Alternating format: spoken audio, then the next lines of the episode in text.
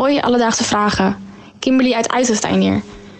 Het is weer bijna kerst en uh, met kerst gourmetten wij altijd. En nu vroeg ik mij af, waar komt deze traditie eigenlijk vandaan? Alledaagse vragen. NPO Radio 1.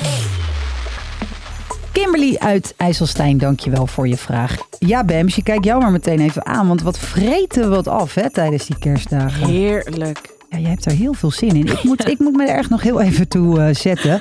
Een heel groot gedeelte van de kerstvierende Nederlander uh, zit uh, wat meer in jouw vibe volgens mij. Want iedereen zet toch met liefde weer die befaamde grillplaat aan. En knalt dan de pannetjes erop, eronder en maar gaan. Ja. Eeuwige discussie is dat toch ook? Pannetje erop of eronder? Ja, ik weet het niet. Maar ik dacht dat je altijd die pannetjes met, met pannenkoeken en zo erin, dat je die altijd eronder doet. En dan de andere pannetjes erboven. Nee, ik weet het eigenlijk ook niet. Nou, jullie kijken nog even wat je doet ja. met je gourmetstel. Hoe ziet je lievelingskerstdiner eruit? Ben je ook zo'n gourmetter of toch iets anders? Uh, nou, liever wat anders. Ik vind gourmetten, ik vind het idee van gourmetten altijd heel leuk. Maar het is eigenlijk toch een beetje gedoe. En je zit allemaal met die pannetjes op een grillplaat. En het duurt lang. En je hebt gewoon honger. Je gaat zo die kleine stukjes. altijd, vind ik. Oh ja, dat ook. Terug naar de vraag van Kimberly. Want er zijn ook ja. mensen die wel heel enthousiast zijn over het gourmetten. En als je iets wil achterhalen waar het vandaan komt, dan kom je natuurlijk vaak uit bij een historicus. Ja. Nou, en laat er nou ook een historicus zijn die zich stort op voeding, eten, uh, eetcultuur. In dit geval is het culinair historicus Lisette Kruif. En zij neemt je mee in de wonderenwereld van gourmetten. Oh. Gourmetten heeft een internationale achtergrond. Je moet even denken aan bijvoorbeeld de Chinese hotspots. Uh, het koken van vlees en vis en groenten in bouillon. Aan de andere kant kun je kijken naar het raclette uit Zwitserland en de Franse fondue bourguignonne met vlees in olie. Zoals wij in Nederland kunnen kennen, kennen we dat eigenlijk uit de jaren 70 van de vorige eeuw. Het is in feite een marketingverhaal uit de vleessector. Het gaat erom dat we meer vlees gingen eten. Er was ook meer vlees. En daar iets leuks mee deden. En mensen waren geïnspireerd door wat er in het buitenland gebeurde. En toen kwam het gourmetstel op tafel. Ik ben nog steeds heel erg blijven hangen bij raclette. Vind ik zo lekker. Ja, ik ook. Zo, ik, zag, ik zag maar weer helemaal zitten. Oh, lekker man. Die hompkaas op zo'n broodje. Mm-hmm. Geweldig. De oorsprong van gourmetten is dus terug te voeren naar uh, honderden jaren geleden. En al helemaal niet per se toe te schrijven aan Nederland. Vanaf de jaren 70 zag de vleesindustrie een gat in de markt en gaf ons kikkerlandje een nieuwe bezigheid. Er waren zelfs restaurants speciaal voor gourmetten. En bij luxe slagers kon je zowel het vlees kopen als het gourmetstel huren. Later werd het steeds toegankelijker en hebben heel veel huishoudens gewoon een gourmetstel in de kast. Nou, weer even door naar die zet, want we weten nu een hoop over de achtergrond. Maar hoe komt gourmetten eigenlijk aan de naam? Het woord gourmet komt uit het Frans.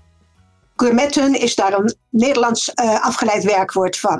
Het woord gourmet betekent in fijne wijnproever. En dat is een 19e eeuwse ontwikkeling dat mensen zich heel erg gaan richten op het leuk gaan aankleden van eten. Wat past bij wat? Hoe gaan we de maaltijd inrichten? En dan krijg je in de loop van de 19e eeuw dus die enorme lange menus. En dat zijn de menus van de fijnproevers. De gourmets, de gourmands. Pralaleu. Oui, oui. Croissant.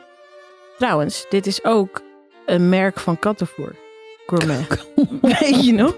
Dus eigenlijk zijn dat gewoon echte fijnproevers. Mm, dat wat Lisette zei, dat wist ik oprecht niet. Maar uh, het is wel heel gezellig met z'n allen. Maar waarom vieren we het met kerst? Nou, dat komt volgens Lisette omdat we met kerst graag samen zijn met een grote groep. We willen dan ruim eten en er niet te veel werk aan hebben.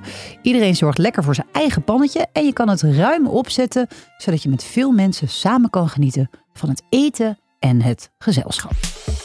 Alledaagse vragen. Bemsje, ik uh, zie nog een uh, vragend gezicht. Ja, dat klopt. Uh, want Lisette vertelde net natuurlijk dat we in de jaren zeventig dit gingen doen omdat er meer vlees was. Maar het is nu eigenlijk al de afgelopen jaren bekend dat we willen dat er minder vlees gegeten gaat worden. Aha. Hoe, gaat het, hoe, ziet, de, hoe ziet de toekomst van de gourmet eruit? De toekomst van gourmet. Tel me. Nou, dit is wat eh, Lisette daarover te zeggen heeft. Gourmetten kan je zeker op allerlei manieren doen. Ook in de tijd dat er minder vlees of vis of gevogelte gegeten wordt. Je moet alleen wat cre- creatiever worden en bijvoorbeeld meer met eitjes gaan werken. Tenzij je dat ook al wil laten staan. Maar je kan het ook heel goed met groenten en met kaas doen. In Frankrijk is heel populair om er crêpes op te bakken, kleine pannenkoekjes. Alleen het vereist wat meer van de eh, niet ervaren eh, vleesvrije koker. En dan hebben we ook nog tips voor de welvleeseters onder ons. Laat je vis en vlees gescheiden en ga nou niet van die schalen met vlees uren laten staan, want dat wordt een veldslag aan bacteriën. Dus, Kimberly, om terug te komen op je vraag, waar komt dat hele gourmetten nou eigenlijk vandaan? Nou, dat gaat al honderden jaren terug en waarschijnlijk is dat overgewaaid van onder andere Zwitserland, Frankrijk en ook Azië. Het gourmetten hoe we het nu kennen was vooral een promotiestunt van de vleesindustrie uit de jaren 70. En we hebben ook geleerd dat gourmet van het Frans komt en zoiets betekent als fijn proeven. Oh ja, en je kunt natuurlijk ook gewoon zonder vlees gourmetten. Heb je ook een leuke alledaagse vraag? Stuur ons dan een berichtje op Instagram, Alledaagse Vragen. Of stuur ons een mail naar alledaagsevragen.radio1.nl en dan gaan we hem beantwoorden. Ja, en blijf vooral ook lekker een beetje in die feestdagen sferen, toch? En vijf sterren geven. En vijf sterren geven. Alledaagse vragen. NPO Radio 1. BNN Vara.